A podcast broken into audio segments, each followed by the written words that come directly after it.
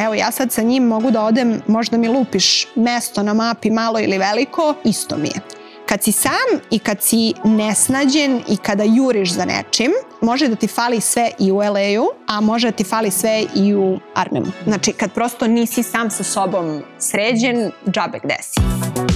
Slušate podcast o domaćeni.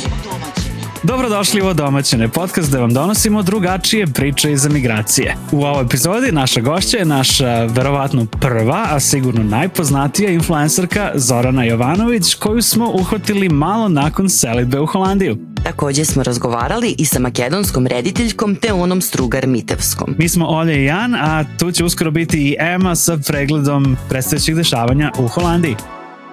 Ali pre svega toga da vidimo šta ima novo. Uskoro se ponovo menjaju zakoni u vezi sa poreskim olakšicama za visoko kvalifikovane migrante, o tome više na kraju emisije. Idemo prvo na neke malo lepše teme. Prošla je noć veštica, a ako živite u Holandiji i imate decu ili ste možda i sami dete, možda noć veštica zapravo i nije praznik kojem se toliko radujete u ovo doba godine, zato što se u nekim delovima Holandije mnogo više slavi Sveti Martin. Sve zavisi u kojoj regiji živite. U nekim regijama je popularni Sint Martin, dok je u drugim regijama Halloween neprikosnoveni praznik. Međutim, običaji za proslavu Svetog Martina i Noće vešica su donekle slični, jel tako? Tako je, zajedničko im je da se deca maskiraju i idu u pohod po slatkiše od kuće do kuće i idu na različite vrste parada. Ti živiš u Amsterdamu koji je u Severnoj Holandiji, da li su tvoje deca do sada radila nešto za Svetog Martina, makar u školi? U nekim školama se to zaista na veliko slavi i deca nedelju dana unapred prave svoje personalizovane i veoma divne lampione koje nose u ovaj pohod. Zavisno od dela grada u kome živite postoje različiti običaji. U našem delu grada u Jordanu deca šetaju i idu od kuće do kuće, to jest vide u kojim kućama su ljudi ostavili svetiljku ili sveću u prozoru i onda znaju da će tu dobiti slatkiše. A kakvi se lampioni prave za Svetog Martina? Ej, najrazličitiji, to su stvari kao neki improvizovani fenjerčići i onda deca u njih stavljaju, u prošlosti su to naravno bile sveće, sada su to one male električne sveće sa baterijicama, čisto zbog bezbednosti i onda sad zavisno od dečje kreativnosti budu različitih boja, veličina, a naravno uvek mogu da se kupe za ne, neki mali novac simbolično u određenim prodavnicama. U nekim gradovima se organizuju velike parade za Svetog Martina, na primer u Utrehtu je ona ovog petka u 6 uveče i počinje u parku Lepelenburg. A u Amsterdamu se već tradicionalno obeležava ova parada i to u istočnom delu Amsterdama počinje u subotu u 7 sati. Znači u pitanju su predivne, velike i veoma kreativne svetlosne instalacije koje donose na paradu pojedinci i određene organizacije iz tog komšiluka. Osim u Holandiji, Sveti Martin se oslavi u Belgiji, Nemačkoj i Severnoj Francuskoj i ovaj praznik je 11. novembra. E, a 10. novembra mi slavimo nešto drugo, jer u Amsterdamu peva Lepa Brena. Stiže Jugoslovenka. Njen koncert održava se u Kareu, to je jedno veoma lepo i dosta staro pozorište na Amstilu koje je izvorno zapravo građeno kao cirkus i kad uđete unutra ovaj, dosta je visoko i okruglo to nema nikakvog smisla kao opis. O da, ima. Pogotovo što sam ja išla dva puta u taj prostor u cirkus i to za novu godinu. Oni imaju fenomenalan novogodišnji svetski cirkus. I čak unutra budu i konji. Ali da, tamo se organizuju najrazličitiji događaji. Ja sam tamo bio na eventu Marina Abramović, a pre toga sam tamo gledao musical The Book of Mormon, a Olja je tamo slušala Zdravka Čolića, tako? Tako je. A još jedan događaj koji često pominjemo u emisiji je i Eastern Neighbors Film Festival, festival istočnoevropskog filma koji uskoro počinje u Hagu. Svake godine, pre nego što festival zvanično počne, oni imaju turneju po raznim gradovima u Holandiji i prošle nedelje u Amsterdamu Olja je gledala film Najsrećniji čovek na svetu, inače makedonski kandidat za Oscara. Film donosi priču o grupi ljudi koja odlazi na speed dating događaj tražeći ljubav ili samo bežeći od samoće. Glavna junakinja, 40-godišnja Asija, upoznaje Zorana, 40-godišnjeg bankara koji nije tu da bi tražio ljubav, već oproštaj. Tokom rata 93. on je bio na suprotnoj strani i sada želi da upozna svoju prvu žrtvu. Olja je razgovarala sa rediteljkom i ko-scenarijskinjom ovog filma, te onom Strugar Mitevskom. Reci mi, si radio ovo ranije? Ne, ne, ovo mi je prvi put. Aha, okej. Okay. Pitanje broj 1. Koja je vaša omiljena boja? Ljubičasta. Plava. Pitanje broj 2. Koje je vaše omiljeno godišnje doba? E, proljeće. I moje je proljeće. Živimo u istom gradu, Da. slični smo godina, oboje smo nesretni. Ja sam sretna. Šta? Što lažiš? Ili problem da ja promijenim partnera, ali postoji ta mogućnost možda? Sada? Da. Da li su teme filma Najsrećniji čovjek na svetu izabrale vas ili vi njih? Svaka ideja, znači svaka ideja za svaki film je na neki način deo vas. Znači mora da korespondira na nešto što je važno u tom momentu u vašem životu. Otprilike uzajamno i ideje biraju mene i ja njih biram. Sama tema najsrećnijeg čoveka na svetu, to je priča moje scenaristkinje Elme Tatarakić. Ona je držala sa sobom, živela sa tom idejom puno, puno godina i onda smo jednog dana počeli pričati, razvijati ideje. Ona se osjećala spremna da je sada pravo vreme, 25 godina, 30 godina posle tog rata, da ima dovoljno veliku distancu, da je spremna da se otvori i prikaže tu priču svetu. Ja sam samo oruđe, što bi rekla. Znači ja sam samo reditelj, preko mene je ta priča dobila neku formu kao ovaj naš film. I na ovom filmu ste nastavili dugogodišnju saradnju sa scenaristkinjom Elmom Tataragić. Deluje da ste vas dve uigrani tandem. Na koji način takav odnos utiče na sam proces kreiranja filma? Film je veoma interesantna umetnost, veoma kompleksna umetnost. Znači, film je pre svega kolaboracija. Film nije samo ja ili samo scenarista ili samo direktor fotografije, nego je stvarno jedan zbir kreativnih snaga. Ja svaku dobru kreativnu kolaboraciju zovem e, dobro udaja. Znači kad smo se sreli sa Elmom, onako slučajno smo počeli da radimo na Kad dan nije imao ime. To je bio naš prvi film i odjednom smo se pronašli. Veoma smo lepo i lako komunicirali, razumeli se i nekako na, na mnogi način nadoknadivali jedno drugog. Ja, na primjer, pišem uh, dijalog, Elma radi celu konstrukciju. Znači, ona potpuno poznaje taj dramatuški aspekt koji za mene je ono, bela strana. Osnova svake dobre kreativne kolaboracije jeste pa na neki način nemanje ega. Jednom kad se čovek otarasi ega, i kad ti radiš samo za dobro tog projekta. Znači što je važno? Važno je ta priča. Važna je emocija. Važno je doživljenje koje mi hoćemo sa ovim filmom i sa ovom pričom preneti samoj publici, onda je sve moguće. Koliko je izazovno raditi film koji je zasnovan na stvarnim događajima? Pa vidite, svaka umetnost, e, kao i filmska umetnost, je istina, rekreacije istine u odnosu emocija, pred svega u istini momenta koji ti prikazuješ. Što je bilo veoma komplikovano u odnosu ovog filma je baš ta verodostojnost. Znači ja nisam iz Bosne, iz Makedonije sam, ovo je Elmina priča, nešto veoma lično, veoma privatno. Ja, iako sam iz ex-Jugoslavije, iz Balkana, ipak nije to moja priča. Šta ja znam o tom ratu? Kad smo počeli da radimo film, ja sam uh, kao sebi rekla, pa nema problema, ja dolazim, ja razumem. I onda kako sam spremala, znači ovaj film je puno, puno jako istraživljan. Godinu dana smo mi pričali sa ljudima o ratu, o njihovim doživljajima, o njihovoj perspektivi da bi bili najverodostojniji u tome o čemu pričamo. I kako sam ja sve više i više ulazila u samo građivo filma, ja sam u stvari shvatila koliko malo znam onda je stvarno velika odgovornost. Znači, kako pričati istinu i da li je moguće ispričati istinu. Ja kažem, pa Elma, znaš, možda ovo treba neka bosanka, neki bosanac da uradi. Znaš, ko sam ja? Ko meni daje za pravo? A onda je Elma meni rekla, te ona ja ti dajem, ovo je moja priča i ja sam tebe odabrala. Na početku priče je to bila priča Asije i Zorana.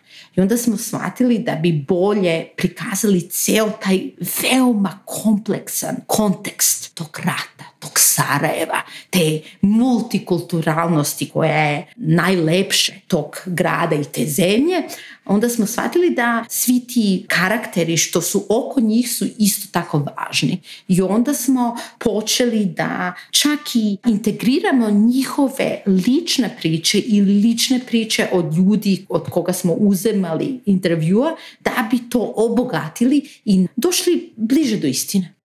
Film se prikazuje širom svetskih festivala i bioskopa. Koliko se razlikuje njegova percepcija na Balkanu i u inostranstvu? Što je interesantno na Balkanu je taj komičan aspekt filma. Film ima puno tog humora, crnog humora. Koliko je da je ta priča teška, ljudi se smeju Znači, sam film ima toliko malih detalja koji su zajednički za sve, sve nas. Ne kažem da taj humor ne prolazi van Balkana, prolazi, ali neki drugi aspekti tog humora priča pomirenje, kako živeti zajedno, kako živeti u ratu 30 godina od kako je rat prestao. Je veoma, za žalost, veoma univerzalna tema. Da li ćemo ikad uh, evoluirati do tog stepena da prestanemo da se uh, bijemo i da počnemo da razgovaramo.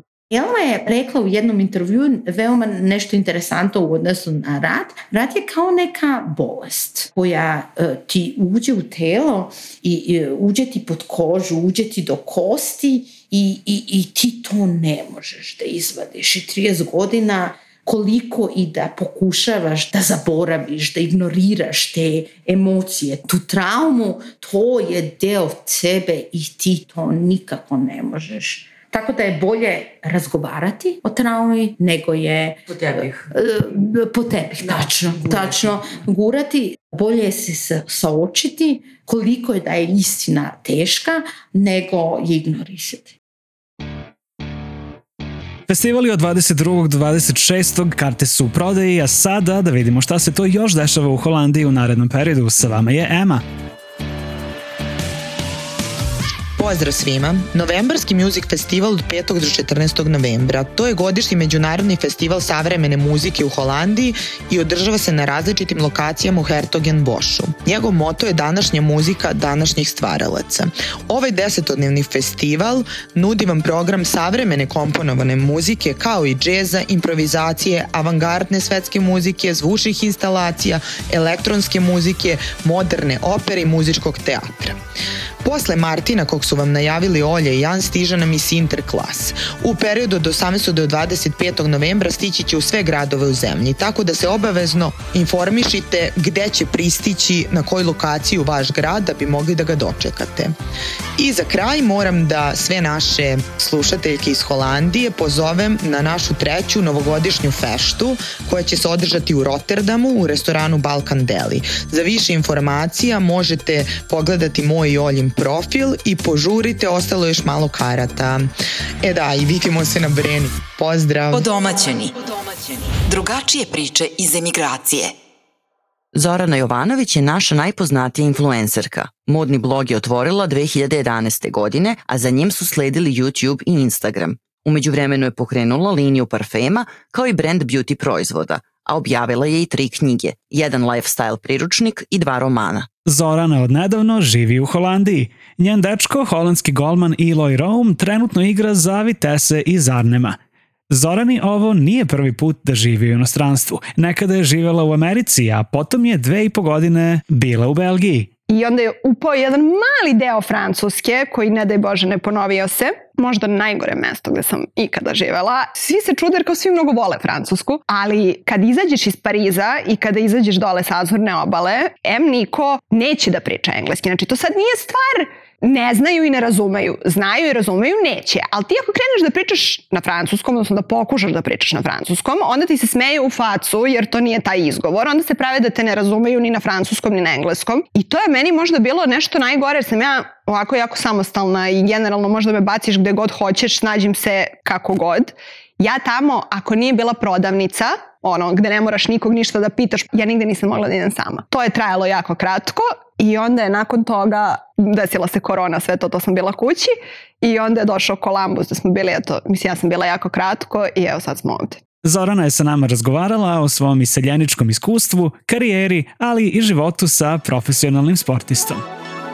I kako je izgledala tvoja prva selitba u inostranstvo, a kako poslednja? Šta se promenilo? Ni jedna ni druga nisu bile planirane. Ne, za prvu stvarno ja sam bukvalno otišla na 10 dana i to je bilo u periodu kad su se moji roditelji razveli i nisu imali komunikaciju jedno sa drugim.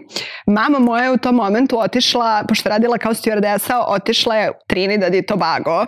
Tad je Jat još bio i oni su slali naše ljude i to je bilo tamo. Ona, ona je bila tamo. Ja sam otišla na 10 dana i nas dve smo potpuno izgubile komunikaciju u smislu ja kad spavam, ona je budna. Ja kad se probudim, ona je ušla u avion. Onda ona nije online satima. Onda ona taman kad se vrati, ja više nisam. Znači, to je, to je bio cirkus i ona je potpuno žena izgubila pojam o svemu. Onda sam ja rekla, ja bi malo da ostanem.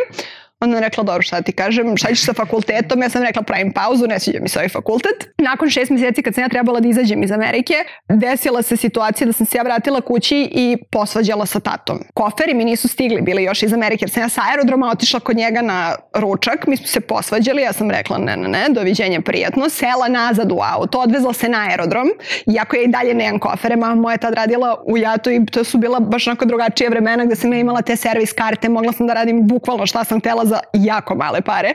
A sad mama moja ima poslednju informaciju da sam se ja vratila kući, da sam sela u avion i da sam došla kući.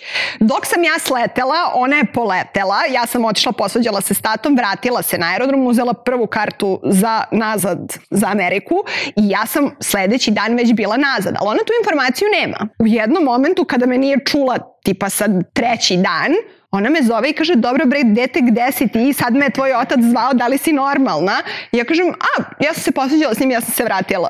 Samo mi je spustila slušalicu. Tako da sam ostala, bila još tih šest meseci koliko sam mogla. I onda sam se nakon toga vratila kući i jako brzo sam počela ponovo da, odnosno taj moj neki bivši dečko je išao za Ameriku pa sam ja otišla sa njim. A sad ovaj poslednji put, on je i dalje igrao u, u Americi, u MLS-u i mi smo se relativno skoro i upoznali. I to se jako nekako brzo išlo, ja sam bila tamo, došla kući 5 dana, sedmi dan je već bilo vraći se nazad, to je ono kao ne, ne možemo više ovako jer ja nisam spavala, bila na potpuno suprotnoj zoni jer sam bila budna s njim do 7, 8, 9 ujutru dok on ne ode da spava i ostalo. I tako sam jedno dva, tri puta išla i vraćala se i on je imao kvalifikacije za neki, pošto on igra za Curaçao, oni imaju ne sad neki tamo njihov Gold Cup, nebitno, on igra kvalifikacije za to i bio je u Majamiju. I ja sam trebala da idem za Miami. Ja slećem za New York, meni let za Columbus otkazan, ujutru mi je let za Miami. Ja odlazim u hotel, znači dva kofera spakovana, letnje stvari, kupaći kostimi, ja idem mačka u Miami dve nedelje da gledam reprezentaciju i kao idem u Columbus još na desetak dana i drugarica mi se udavala u Njorku I ja kao, aj spojit ću sa time, ali ja nakon toga, zato sam mi kupila bila kartu, bila za New York, da bi nakon svadbe išla kući. I oni ispadnu sa tog turnira, ja ni ne odem za Miami. Ja promenim celu kartu, odem za Columbus, nemam što, mislim, imam kao neke trenerke i to, ali nemam, imam stvari, kupaće kostime i letnje haljine, Columbus, to nije. Tipa nakon toga, jedno četvrti dan, nešto smo se mi tu zezali i ja kažem, dobro, nema veze, idem ja kući. I on me onako pogleda bledo i kao, kako to misliš, ideš kući, ovo je kuća. I ja kao, pogledam u Aspena i kao, dobro, Aspen mi je tu nebitno. kao, to je to, ok, nema veze. I nakon mesec dana od toga se pojavi ova opcija za Holandiju i tu se već, jel, hoćemo, nećemo, jeste, nije, šta je najbolja opcija. I mi kao nećemo. Peti dan, on se budi, ne može spava pet dana, peti dan on se budi i kaže, ali ja mislim da bi mi trebali da idemo. To je bio petak ujutru. Mi smo u ponedeljak imali kartu za Holandiju gde sam ja za dva dana morala da spakujem celu kuću. Došli smo ovde, mene više niko nikad nije ni pitao da li idem kući i kad želim da idem kući. Sad je već situacija previše odmakla kontroli. Stvari su mi poslate iz Beograda i ostalo, ali kao što rekoh, nijedna nije bila planirana. Ja sam se spakovala na dve nedelje sa kupaćim kostimem. Što znači da osjećaš se kod kuće tamo gde je Aspen zapravo. Pa zapravo da. Sada i gde je Iloj, ali Aspen ako mi nije tu, to ne može. Tako da je to bila u stvari najbitnija stavka, a stvari će se poslati. Da li imaš neki ritual ili nešto tog tipa što kao čini da se negde osjećaš kao kod kuće. Ja, na primjer, dosta putujem i skapirao sam da ako ostajem negde duže od tipa tri dana, moram da imam, i ovo će zvučati kao naj-basic bitch stvari ikada, ali moram da imam mirišljavu sveće od lavande. E, to ako je tako, ako mi miriše spavaća soba, onda je sve u redu. Znaš kako, ja sam toliko putovala, eto, ajde da kažeš od moje 20. da ja više nekako kući nisam imala osjećaj da je to kuća. Ono što meni, to što ti kažeš, meni samo da mi miriše sve na vanilu. I meni je vanila osjećaj za kao, ok, sad si u stanu, u kući, nisi u hotelu. I onda ovde prva stvar, bukvalno nismo se još ni uselili bili ovde, nama su kola bila pretrpana stvarima jer sam samo tako išla i kupovala gluposti, knjige, vazne, levo, desno i diffuser, sveću, sve sa vanilom. Kako smo ušli u stan, to je bila prva stvar koju sam raspakovala. I kao, ok, sad si kući, to je to, mirišem sve na tebe. Osim mirisa vanile, koja je razlika između putovanja negde i života negde? Razlika je ta što kad si na putovanju, mislim da ti je raspored od jutra do mraka, sve bi da vidiš, sve bi da kupiš, sve ti je jao, ako sad ovo ne kupim, možda neću više nikad videti, ako sad ovo ne vidim, kad ću ponovo da dođem, ako se sad ovde ne slikam, gde ću? Onda trčiš juriš, pogotovo kad si influencer, onda se preslačiš 700 miliona puta, da imaš što više slika, jer kao, to ti je kao psi što misle da kad im daš hranu da više nikada neće jesti, pa su ala glavi. Tako smo ti mi influenceri, kao da za tri dana neću biti na drugoj lokaciji, ja sad ovde moram da islikam 10 kombinacije, iako sam ja tu dan i po, nema veze. I onda samo trčiš, juriš, žuriš nešto, večito si negde, pa kao ajde da se vidim s ovom osobom, nisam je videla 100 godina, ajde ovo, ajde ono. Međutim, kad živiš negde, evo ja u Kolambusu kad smo bili, ja ti se kunem, ja dva meseca iz trenerke izašla nisam, ja nemam ni jednu normalnu krštenu sliku potpuno tako neki opušten vibe, nemam grižu savest što kao, e, ne izlazi mi se iz kuće, jer ja kad sam u Beogradu, ja ne izlazim iz kuće, mene vrlo redko gde može čovjek da vidi. I onda meni samo taj moment gde prosto kao imaš vremena za sve. Ne moraš sad da letiš, ja ajde da vidim ovo, ajde da se vidim s onim, nego si prosto nekako miran. To je onaj fazon kao pada kiša, ok, mogu da sedim kod kuće danas, mm. ne moram da, da jurim. Pomenula si da ti je mama bila stjordesa, znači pretpostavljam da si od malih nogu bila okružena pričama o putovanju. E, da li si imala još neke osobe iz tvog bližeg okruženja, bilo nekog člana dalje bliže porodice ili prijatelja koji žive u inostranstvu? I da li te to tada možda privlačilo ili je to spontano bilo? I da i ne. Mislim, ja sam uvek voljela da putujem i nekako mene mama stavila prvi put u avion sa 40 dana.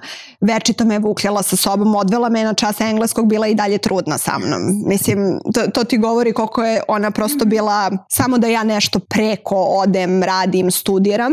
I onda su se njeni planovi izjelovili. U stvari, prosto imala jedan završen četvrtu godinu srednje škole u Americi. E, onda su se moji tada razvodili. Ja sam bila iz fazona, ne pada mi na pamet da idem bilo gde, imam svoj auto, dobijam pare s jedne strane, s druge strane, niko me ništa ne pita. Znači, živela sam najbolje ikada i onda se desilo to da kao, ok, aj kao četvrtu godinu neću da idem, naravno ja sam tu smandrljala neku sentimentalnu priču kako ne mogu sad mamu da ostavim samu, da ona živi sama, živela je s nas troje u kući, kako sad ona da bude sama, to je tužna priča, naravno, nije imala veze s mozgom, ali nakon toga kao, ok, ostani tu četvrtu godinu, završi vanredno i ideš da studiraš u švajcarsku hotelijerstvo sad da koliko me poznajete sa društvenih mreža, ali mislim da samo po mom fizičkom izgledu vam je jasno da hotelijerstvo i ja nismo na ti. Najbolje škole za hotelijerstvo su tamo, ali mislim da je njoj više bilo ta poznanstva koje ti tamo napraviš nego sad kao hotelijerstvo. Kao samo da ja budem okružena tako tim nekim ljudima koji su drugačiji. Drugačiji prosto način odrastanja i svega. I desi se jedna prelepa situacija gde ja mislim da je to bila kraj te moje treće godine srednje škole, početak četvrte, krećem da se družim sa devojkom čiji brat studira hotelijerstvo i njegov najbolji drug studira hotelijerstvo. I onda su oni meni tako objasnili kako to stvarno izgleda da ti moraš da ideš na praksu, da ti moraš da kreneš od nule, da ti moraš da budeš i sobarica i recepcionerka da bi došao do, jer prosto tako funkcioniše, da bi znao da vodiš hotel, moraš da kreneš Cijela od nule. hjerarhija, yes. Naravno, meni se to nije dopalo i onda sam ja došla mami i rekla da to se neće dogoditi i apsolutno zaboravi. I mislim da ona plakala brat bratu mesec dana. Ona to nije mogla da preživi. Ona je na sve moguće načine pokušavala da postigne koji je njen bio cilj sa mnom, ali moja mama je bila tip žene koja mene kupila mi je klavir, vodila me na klavir, balet, tenis, znači sve fino što je moglo sa mnom, to je bila njena želja. Ja sam u tad u tim momentima nosila sketerske pantalone i sketerske patike i dolazila blatnjava kući i apsolutno me klavir nije zanimao, ali kao da sam ja fina dama, gospođica, što se nikad nije desilo. To valjda tako ide kad nešto Naravno. mnogo želiš i forsiraš, uvek, Uvek bude, bude drugačije. suprotno, tako je. Onda je to hotelijerstvo i ta švajcarska su potpuno propali i onda sam ja došla na tu prelepu ideju da studiram modu u Milanu. Međutim, to se njoj nikako nije dopalo. Kao, šta ćeš s modom? Kao, modu možeš da radiš i bez da studiraš. Pa što bi sad ti išla kao za Milano, sad ti je super ovde. Ja kažem, kako mi je sad super ovde, trebala sam da budem u Švajcarskoj, ja bi sad za Milano. I ona kao, da, ali kao tu su bačene pare, za hotelijerstvo znam šta ti plaćam, šta, šta ćeš sad s ovim? I ja nađem tada, to čak nije ni bio kao fakultet, fakultet, to je bio kurs od dve godine za stiliste. Ja sve apliciram, sve oni mene prime, sve pošalju. Imamo, ne znam, 5 dana da platimo. Ja nosim pare u banku da platim. Ona mene zove i kaže, e, ajde stani, našla sam ti fakultet u Beogradu za to italijanski. Ja kažem, šta je sad sa tobom? Što juče si tela da što zašto sad nećeš, ne, ne, ne, ne, ne, kakav Milano, to nema veze s mozgom, ajde ti da ideš da vidiš to. Ja kažem, dobro, nije nikakav problem, a ja bila sa društvom kući kod njih na bazenu, mokra kosa, ja cela mokra, sve. I ja kažem, nije nikakav problem, idemo sutra. Kaže, ne, ne, ne, mi moramo danas, ja sam već zakazala razgovor. Ja kažem, mama, ja sam mis mokre majice, si ti normalna, nikome neće primiti u kakav fakultet, bre, znači ženo, raspadam se.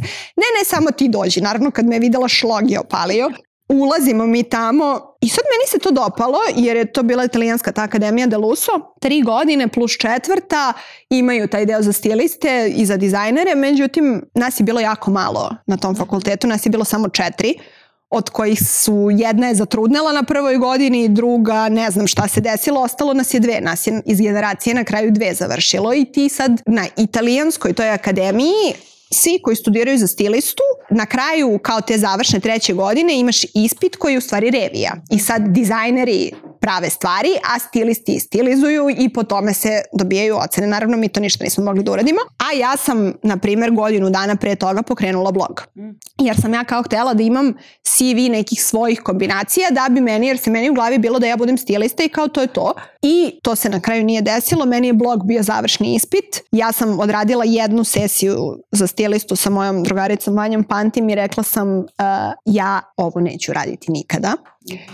ne pada mi na pamet. I jednostavno sam tako samo bila nastavila sa blogom i onda je od toga su krenula ta moja putovanja, fashion weekovi ne, ne ponovili se i sve po redu. bi rekla da je mama bila u pravu i da ipak trebalo da ostaneš u Beogradu ili bi možda nešto bilo drugačije si otišla tad u Milano? U tom momentu niko nije mogao da zna gde će moja karijera da ode u smislu da će taj blog toliko da odmakne i sve po redu. Sad, naravno da da sam bila negde drugde u smislu u zemlji u kojoj imaš dizajnere, radnje, gde si izložen modnoj strani celog sveta, bilo bi mnogo drugačije i lakše jer sa ljudima iz Srbije ne želi niko da radi. Jedan Louis Vuitton i jedan Dior neće da rade ni sa kim ko je based u Srbiji jer oni nemaju prodavnicu. A ti automatski gde si based, tu imaš najviše followera. I sa te strane, naravno da bi mi bilo bolje da sam bila bilo gde drugde, ali opet da li bi tamo negde drugde postala to što sam danas? To je sad nagradno pitanje. Tako da mislim da sve ima svoje zašto i sve se dešava sa nekim razlogom. Ja koja nikada nisam planirala celu ovu svoju karijeru, što bi se reklo. Ja sam jako i ponosna na sebe i zadovoljna sam svim time jer da mi je neko to tad rekao kao imaćeš knjige, imaćeš parfeme, imaćeš svoj brand, proputovaćeš ceo svet na konto toga i bavit ćeš se time sada već 12 godina. Naravno, moglo je to mnogo bolje, više i jače, ali za nekoga ko je bik u horoskopu ovo je i više nego dovoljno. Interesantno je, u vreme kada si ti krenula sa blogom, jer kao to je još bilo pre Instagrama i svega ostalog, niko nije mogao da kao predvidi da će postojati influenceri kao takvi, niko nije mogao da predvidi kako uopšte ono, tipa neko ko je, jel te, otvorio fashion blog, kao šta sve može da proiznikne iz toga u narednih 5 do 10 godina. Mene su prvih, pa jedno, skoro dve godine, ako ne i više, ljudi optuživali kako sam ja pokrenula svoj blog kako bih se hvalila stvarima koje su mi kupili mama i tata. Uopšte, koncept bloga kao bloga je našim ljudima preko je to sad već negde malo postojalo i zaživelo Kjara Ferranje je bila tada već ime, ali tu je bilo tri, četiri te neke strane za koje se manje više znalo, kao čuo si, ali nije to sad bilo na nivou naravno na kom je danas. Ali kod nas niko nije mogao da skapira i narednih, pa sigurno pet godina su ljudi i dalje mislili da oni meni ako poklone konac, da ja taj konac treba da izreklamiram i da ja živim od toga i da prosto, kaš kao, ne, ceo taj koncept šta tebi društvena mreža da i koji exposure ti da, ti kao influencer ne možeš nikome da garantuješ prodaju. Znači ti meni možeš da daš proizvod koji je super, ali prosto ne prodaje se iz nekog razloga. Ja mogu tebi da dam exposure u smislu da više ljudi čuje za tebe, ali da mi ne mogu da garantujem broj ljudi koji će tebi to da kupi. Ali samim tim, tada su bile popularni magazini i dalje se to nekako čitalo ja sam imala diskusiju sa jednom ženom koja je došla i htela reklamu i onda sam ja naravno rekla svoje cene i ona je rekla a šta ja dobijam za tu cifru jer pola stranice u tom i tom magazinu košta isto toliko. I ja njoj lepo raščlanim. Ja kažem ne znam, sad ja mogu da setim koliko sam ja u tom momentu imala pratilaca nije bilo ni blizu kao danas, ali ajde da kažemo i da je bilo, na primjer, 100-200 hiljada.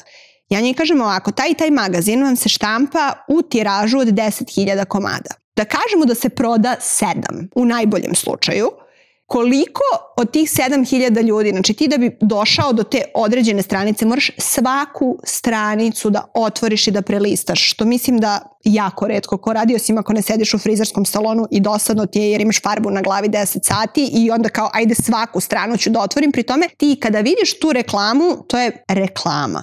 Ranije, na primjer, kad smo gledali TV i kao sad pojavi se neka glumica u L'Orealovoj kampanji za kosu, ti ne možeš da znaš da li ona stvarno koristi tu farbu, da li je to boja od te farbe. Znači ti možeš da nagađaš i da kažeš ja da to je to i dodim da kupim. A ti danas imaš prva stvar možeš da se obratiš toj, toj osobi jer je ta osoba živa od krvi i mesa i možeš i da je sretneš i na ulici i nekako imaš više poverenja. Naravno, godinama kako su se sve više influenceri pojavljivali, tako su se pojavljivali i uh, ja ne znam, sam tu u jednom momentu zvala kao bubljak gde ti imaš određene influenceri i čak javne ličnosti koji su reklamirali od igle do lokomotive. Pa znači stani, ne može ti biti četiri različita brenda šampona dobra. Niko ne pere sa četiri različita brenda u isto vreme kosu. I malo se izgubilo to na tom kredibilitetu u smislu ko kome sad, prosto počeli su ljudi da, da stavljaju u isti koš apsolutno svakoga, jer kao za pare će sve da urade. Neki ljudi hoće, neki ljudi neće, apsolutno zavisi. Ja, na primjer, nekako smatram da sam uvek bila svoja i ja jesam naravno radila plaćene reklame i dalje ih radim, ali stavljala sam toliko proizvoda koje mi niko nikada nije platio, znači na, na te proizvode koje sam isprobala i koristila, da jednostavno ja smatram ako sam to stavila na internet znači da sam ja to stvarno koristila, probala i da mi je bilo dobro. Da li će to tebi odgovarati? To je neka druga stvar. Ti možda imaš različitu kosu od moje, različitu kožu, različiti problem. Pa sve i na, evo lupam, ti si uzela Coca-Cola cherry, ona je uzela običnu. Znači imaš različitu paletu ukusa. Ja mogu kažem ovo je najbolji suši na svetu i da on tebi bude odvratan jer imaš različitu paletu. Znači od banalnih stvari nismo svi isti. I onda probaš nešto i kao, ne, ovo je sranje, ona je to preporučila, to je katastrofa, ja njih više ništa ne verujem. Pa stani, znači ako ti, ja, ako ti imaš kovrđavu kosu, ja imam ravnu. Kako tebi i meni može isti proizvod da odgovara? Ne, sad mi pada na pamet u stvari koliko je tu isto važno pitanje odgovornosti i tvoje lične odgovornosti i tebe lično kao brenda koji predstavljaš, ali i inače i prema svim ljudima koji to prate i koji potencijalno bi kupili. Naravno, ja sam se tu uvek borila sam ja jedan deo svoje karijere, svog posla imala jako mladu publiku, ali ti na kraju dana ja sam to smatrala i svi ljudi normalni su smatrali, ja ne služim nikome da vas pitavam tuđu decu. Znači, ja niti sam ikada bila loš uzor, niti sam ikada kačila stvari koje danas možemo da vidimo na TikToku i na, i na YouTubeu i ostalo. Naravno, opet svako radi kako misli da treba, ali mene neko gleda 15 minuta. Naprimjer, ja sam grudi uradila sa 28. Nisam ih uradila sa 16. Nisam ih uradila sa 15. A sad ako ti kao tinejdžerka koja još nije završila sa rastom, sa 15 godina, zato što sam ja stavila grudi, odeš kod svoje mame i kažeš jao, ja hoću to, to je problem roditelja, nije moj. Ja ne mogu da se limitiram na određene stvari zato što si u javnom poslu, zato što te neko gleda kao uzoran ti bilo šta. Ja smatram da svako treba da radi kako misli da treba i šta je najbolje za njega, ali roditelji su na kraju dana ti koji treba da vode svoju decu kroz život i da ih nauče određenim stvarima i kad je vreme za nešto. Naravno, ja mogu da kažem ja, ja sam radila botoks. Pa naravno da sam radila botoks, imam 33 godine. Ali da li devojčica od 15 treba da radi botoks? Naravno da ne. Ali nije na meni da to govorim, e, ljudi, ovo je za starije od toliko i toliko. Znači, to treba roditelj, da, znači nismo mi tu da, da decu vodimo kroz život. Ja sam nakon svih tih situacija nekako i promenila svoj sadržaj u smislu da se malo sklonim iz uh, te tinejdžerske grupe. Mm. Iako ta tinejdžerska grupa donosi, što bi se reklo, lajkove, mm. jer oni sede na internetu po ceo dan, tapkaju, gledaju, sve to, ali isto tako ne donose prodaju, jer ti kada imaš devojku koja te prati, koja ima posao, sama je svoj gazda da šta je zaradila može da potroši na, evo sad na primjer na Zobiuti.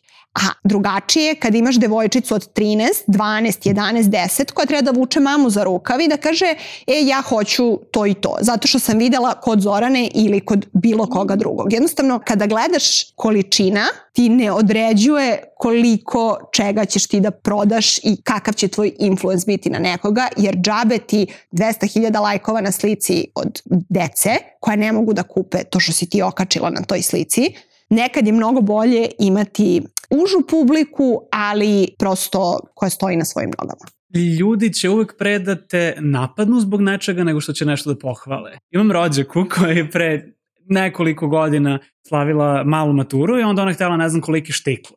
I onda je bila varijanta, evo čak i Zorana ima video o tome kako ti ne trebaju ogromne štikle za malu maturu. Ja kao ona te gotivala, onda smo dali da pogleda taj video. I kao, znaš, niko ne priča o dobrim stvarima koje si rekla, svi se hvataju za stvari koje mogu da se protumače kako ne treba zapravo. To jeste, ali jednostavno navikneš. Ja kažem, ja sam verovatno prva influencerka koja je postala deo žute štampe, gossip medija, gde je ljudima bilo zanimljivije s kim sam, gde sam, šta sam, nego šta šta radim. Naprimjer, verovatno tad u tom momentu da mi je neko rekao to čime si uzela da se baviš i što je krenulo da raste, ja nikad nisam sela i rekla, e ok, ja ću sada da budem influencer, moja strategija je ta i ta, sada će, znači idemo po, po listi kako i šta, meni se ovo sve dogodilo. I da mi je tad neko rekao, E, ali to što će da ti se dogodi rezultiraće novinama, medijima, da si ti sad javna ličnost, možda bi tad, ja imam gomilu, mislim sad više ne, hvala Bogu, ali pre par godina,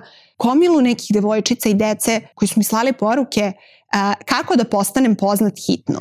Nemoj da budeš poznat. Znači, s jedne strane donese ti jako puno, jer dobiješ exposure koji prosto je teško i da se plati. I ako hoćeš, ne znam koga treba da platiš za toliki exposure, ali sa druge strane, prvo, meriti se svaka reč. Gubiš na privatnosti, donese ti mnogo toga, kao što rekoh, i ja sam jako zahvalna na mnogim stvarima i na svemu, ali sa druge strane, izgubiš taj jedan deo koji ne možeš nikada da povratiš. To je ona varijanta, niko nije očekivao da bi blogerima i influencerima zapravo trebao media training, jer kao ne znaš kako da radiš PR po najmanje samom sebi. Jeste. Ako tek počinješ sa nečim. Eto, toliko sam intervjua dala u životu, na, u toliko emisija sam bila i svega, šta god rekao, kako god ga upakovao, kako god uh, izignorisao, ne dao komentar, šta god, naslov će uvek biti ono što oni hoće da bude naslov. Meni se desilo u jednom momentu na sajmu knjiga, mislim da je druga knjiga bila tada izašla, ja sam dala tri intervjua za jednu te istu kuću, ali kao tri različita medija. Dakle, Blitz, uh, Alo i ma ne razmišljam ko ima više ovaj brendova. Blitz je bio pa je bilo, ne znam, Blitz žena, Blitz oni, ni bitno. Ja šta sam rekla u intervju, jedna reč nije bila napisana. Znači, na primjer, u tom momentu, ja sam već živela u Belgiji, naslov je bio Selim se kod dečka u Belgiju. Sve je bilo izvrnuto suprotno i ostalo, gde ja na kraju više sa njima nikad, ja s njima rekla, ja vama u životu više neću dati intervju, jer ako ne želite da napišete ono što sam ja rekla, šta ću vam ja onda pišite šta hoćete. Nema potrebe da ni vi ni ja gubimo vreme i da ja sad pričam 15 minuta nešto kada to neće ući u, u intervju. Nego ćete vi sve da izokrenete. Tako isto bila i situacija čuvena kada sam ja kod kontrakulturne rekla šta sam rekla, pa sam dobijala pretnje smrću sledeća tri meseca, nisam ušla ni na jednu društvenu mrežu osim da okačim svoju sliku i izašla napolje, ali ja nisam rekla to što je izašlo u novinama. Ja nikada nisam rekla ja ne bih bila sa Srbinom. Da, ja sam rekla ja ne želim da budem sa čovekom koji živi u Srbiji. Ja sam se zabavljala sa našim ljudima čitavog svog života. Znači niti imam problem s našim ljudima, niti sam kao to izbacila kao e ne može. Znači ja samo sam imala neku svoju viziju da sutra želim svoju decu da odgajam u inostranstvu kao što je i mene moja mama želela da odgaja u inostranstvu na kraju dana. I onda mene svi napadnu. Znači to je bila drama od tri meseca, ja takve poruke u životu svom ne znam da li sam ikada čula da je neko slao. Onda se pojavi žena od jednog našeg velikog sportiste, kaže istu stvar, istu stvar. To niko nikad nigde nije pomenuo, niti je bio bombastičan naslov, niti je apsolutno ništa.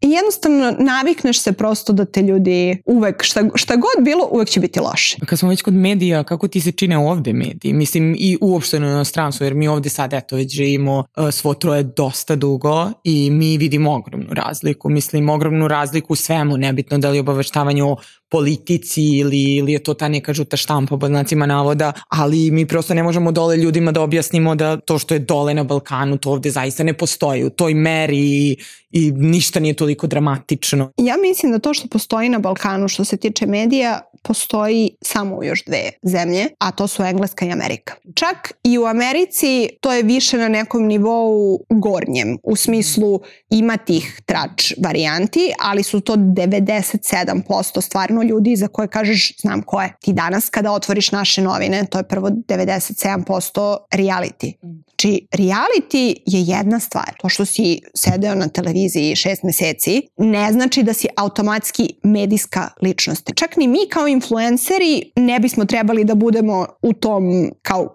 gornjem sloju da se kao hvataš za to, ali generalno mislim da jedino ko ima tu kulturu, odnosno nekulturu pisanja svega i svačega, mislim da su to englezi. Tamo ne možeš pobeći ni od čega. Koliko god da si bitan, nebitan, da imaš glupu vest ili jako bitnu vest, to je uvek neki bombastičan naslov i kad me nešto zanima na Daily Mailu, na primer, uđem i pročitam, ima 5000 komentara i ljudi se primaju. E sad, samo je pitanje, opet, to sad sve zavisi koliko neko trigeruje javnost i koliko je članak ispravan, neispravan, glup ili pametan. A ne znam šta više od ta dva, da li glup članak ili pametan članak, ne znam šta više trigeruje javnost jer je jako barabar.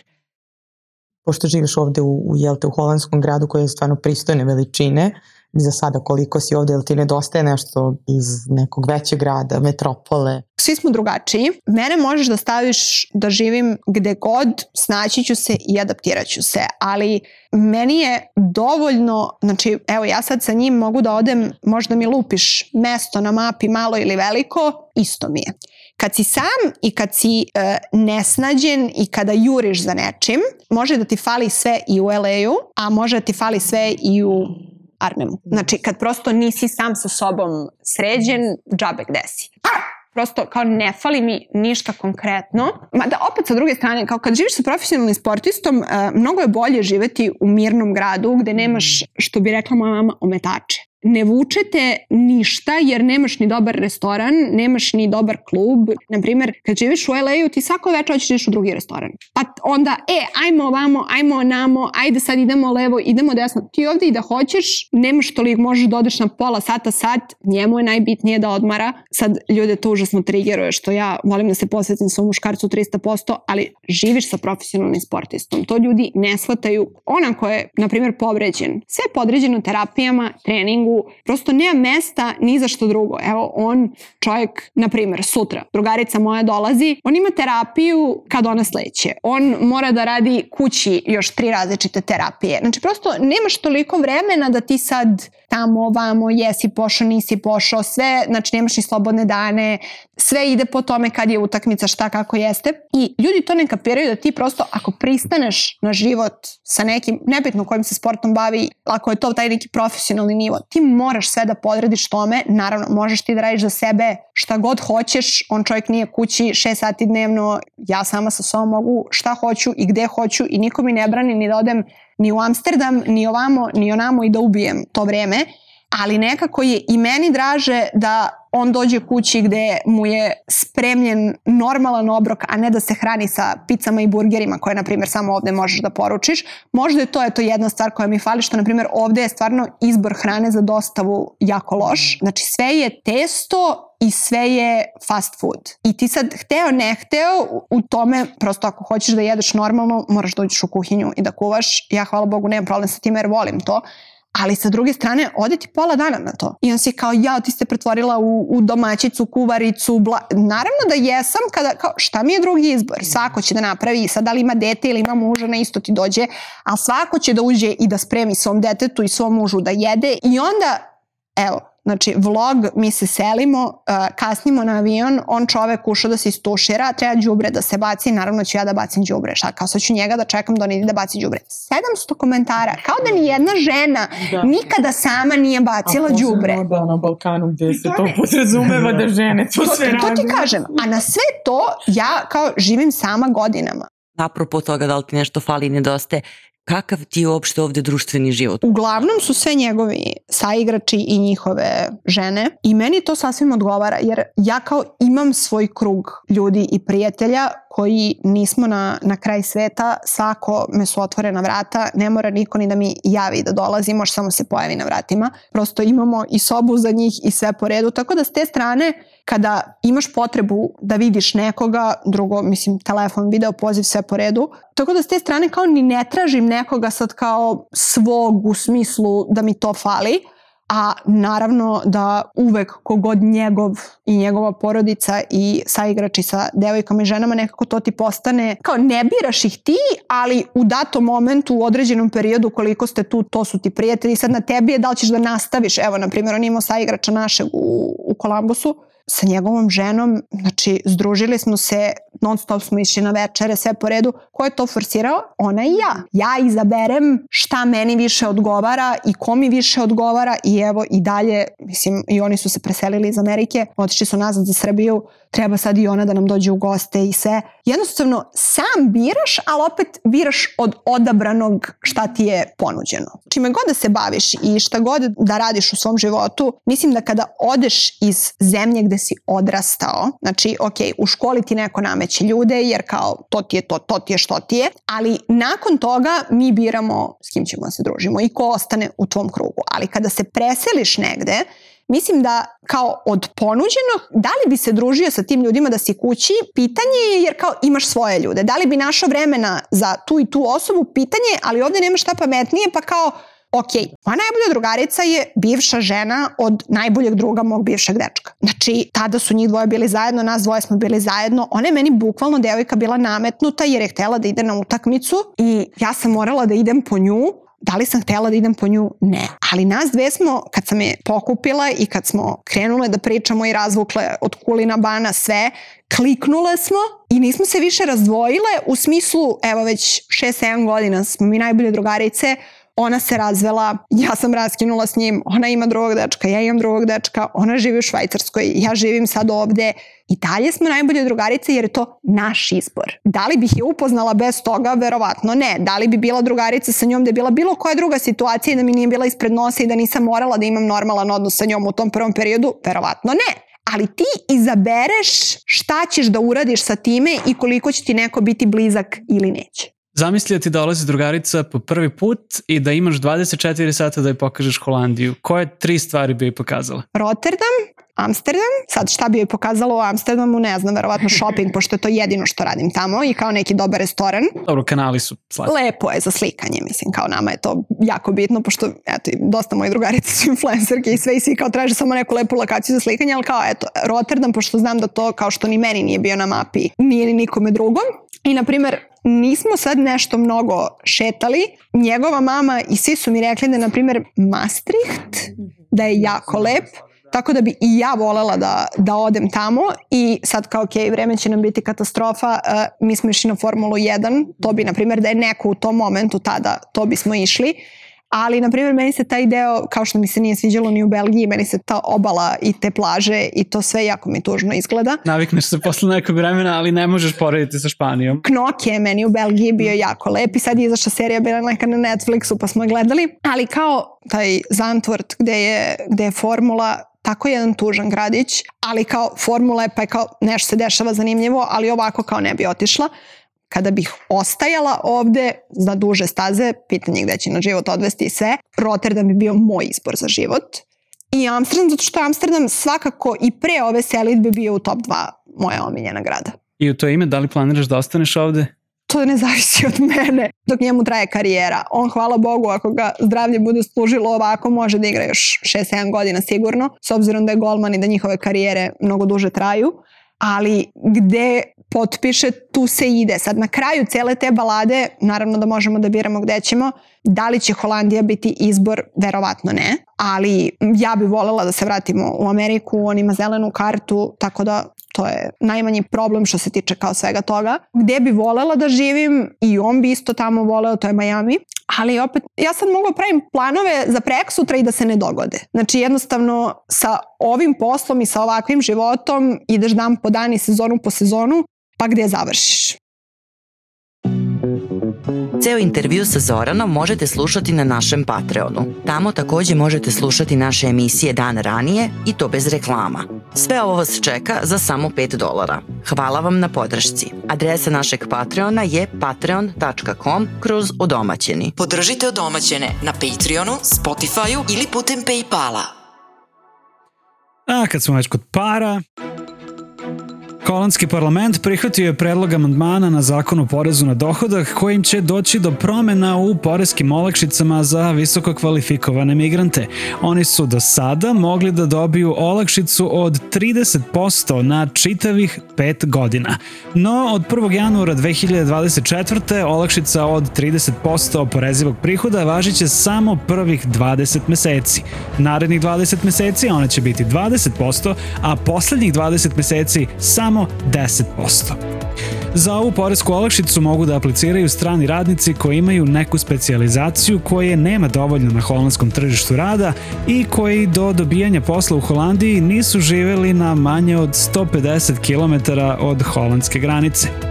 Ovo nije prvi put da se uredbe o ovoj olakšici menjaju. Nekada je ona trajala 8 godina – No, ako je u ovom trenutku već imate, za vas ništa ne bi trebalo da se promeni. Ali, ako u nekom trenutku oni reše da je potpuno ukinu, e onda smo nagrabusili.